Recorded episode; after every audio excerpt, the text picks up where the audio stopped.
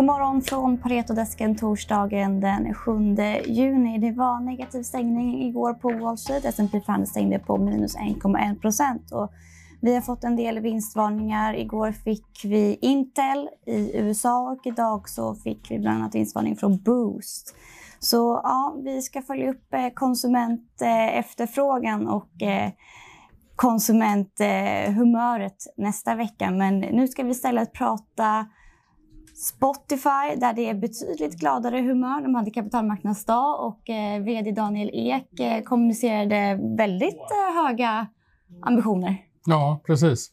Eh, de eh, sa att de ska nå en miljard eh, användare, users, eh, vid 2030, så åtta år på sig att gå dit från lite drygt 400 miljoner som man var vid utgången av förra året. Eh, man adderade cirka 60, lite drygt 60 miljoner förra året. Då.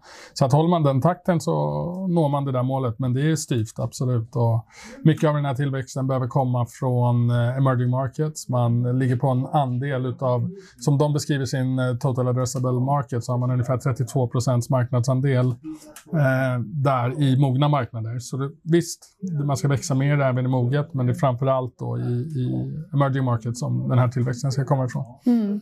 Man vill eh, ha en omsättning på 100 miljarder euro. Nej, dollar. dollar. dollar. Ja, precis. Den är ju väldigt eh, aggressiv. Mm. Så det finns säkert en plan för det.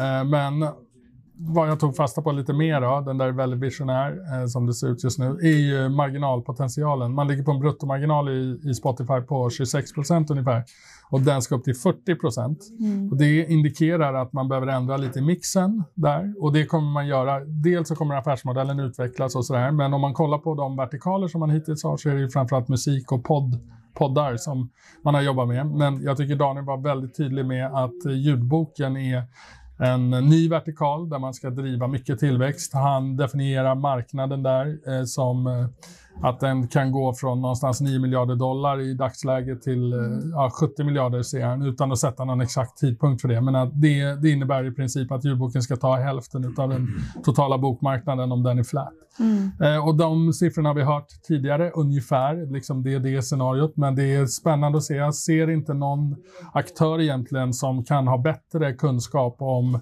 konsumentens beteende när det kommer till musik och ljud. Hur, hur, de, hur en vanlig användare så att säga beter sig och vad de efterfrågar. Där tror jag Spotify har bäst data i hela världen.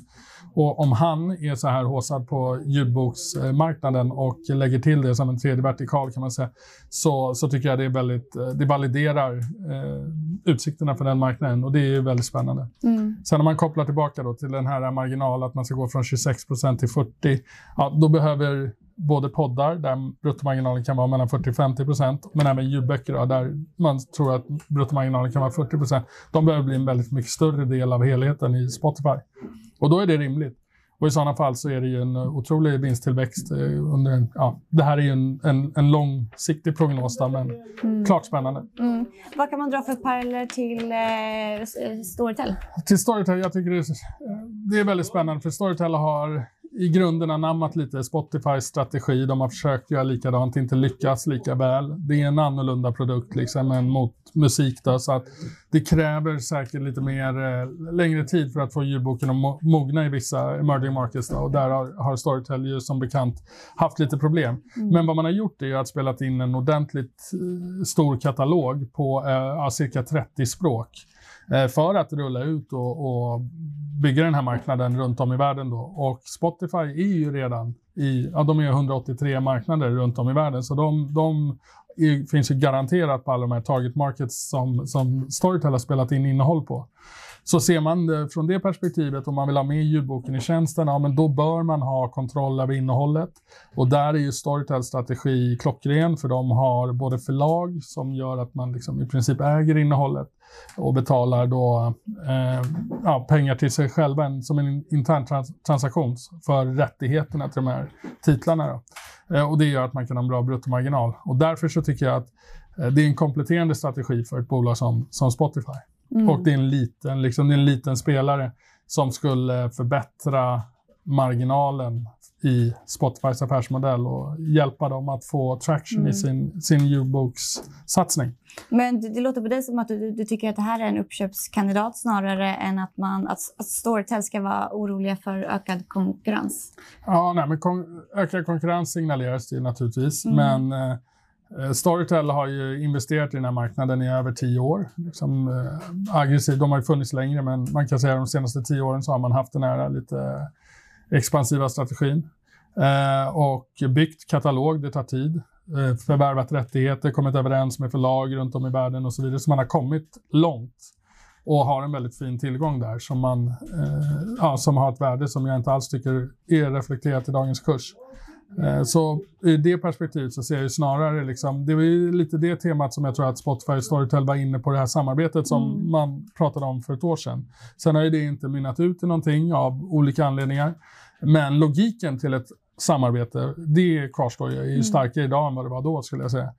Eh, men med tanke på storleksskillnaden och hur eh, på den värdering som, som Storytel handlas på idag så är det ju, det finns ju väldigt starka argument för att försöka mm. ta in det skulle jag säga. Men har de kommunicerat någonting nytt om det här samarbetet?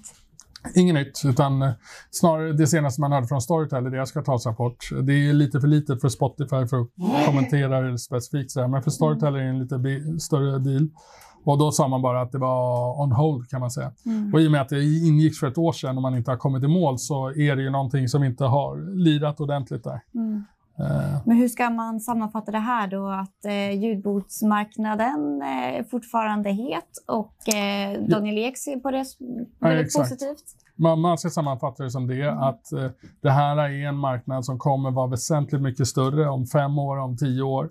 Ehm, så det valideras av det liksom bolag som kanske har bäst koll på beteendet hos konsumenten när det kommer till ljudkonsumtion, om man kan kalla det för det, i världen. Så att det tycker jag validerar ljudboksmarknaden, att de kommer satsa på det. Eh, sen så säger han invest to win. Det betyder ju vara aggressiv, ta en ledande roll i marknaden.